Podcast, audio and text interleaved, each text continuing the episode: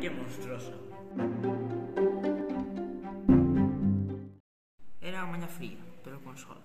Todo o mundo no instituto estaba ansioso porque chegara a noite para acudir ao Festival de Samaín no Borbanza que se celebraba este ano en Rianxo.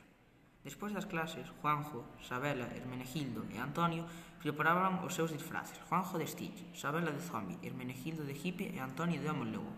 Planeaban algúns sustos e trucos de magia. Eu diría de asustar a un ancián pola rúa. Sí, pois si me dea. Un susto pequeno, eh? Facedo que queirades, se non quero estar no medio. Ás seis da tarde quedaron diante do instituto e marcharon cara picariños para marcar chuches, regalices, ollos, dedos, pés e arañas comestibles. Pouco a pouco foron chegando os demais e cando xa estaban todos dirixíronse cara á rúa Castelao onde estaba o escenario do festival e soaban cancións moi coñecidas de Samaín. Cada vez ia chegando máis xente disfrazada. Había gatos, bruxas, vampiros, raposos, marcegos, porcos e unicornios. Aínda que había tamén algúns aburridos que non tiñan disfraz. Ás once e media da noite comenzou o concurso para elegir o mellor disfraz. Depois do que o xurado deliberara, os analistas foron o porco, o zombi, a bruxa, o home lobo, o hippie e Stitch.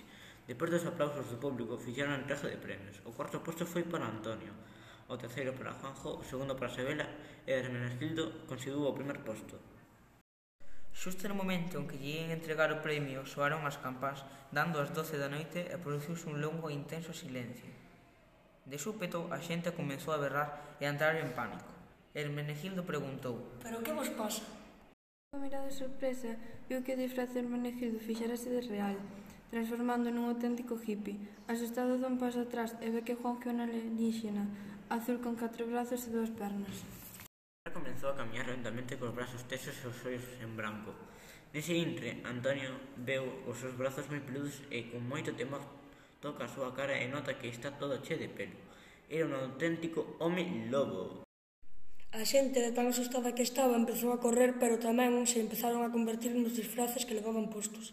Pero o extraño tamén foi que a xente sen disfrazar desaparecía. De súpeto vese algo brillar no ceo. Eran as persoas que non estaban disfrazadas. Resulta que eran meigas que fixeran a maldición para converterse nos seus disfraces. As ruas de Riaxo estaban chés de monstruos e ninguén sabía como remataría noite a maín.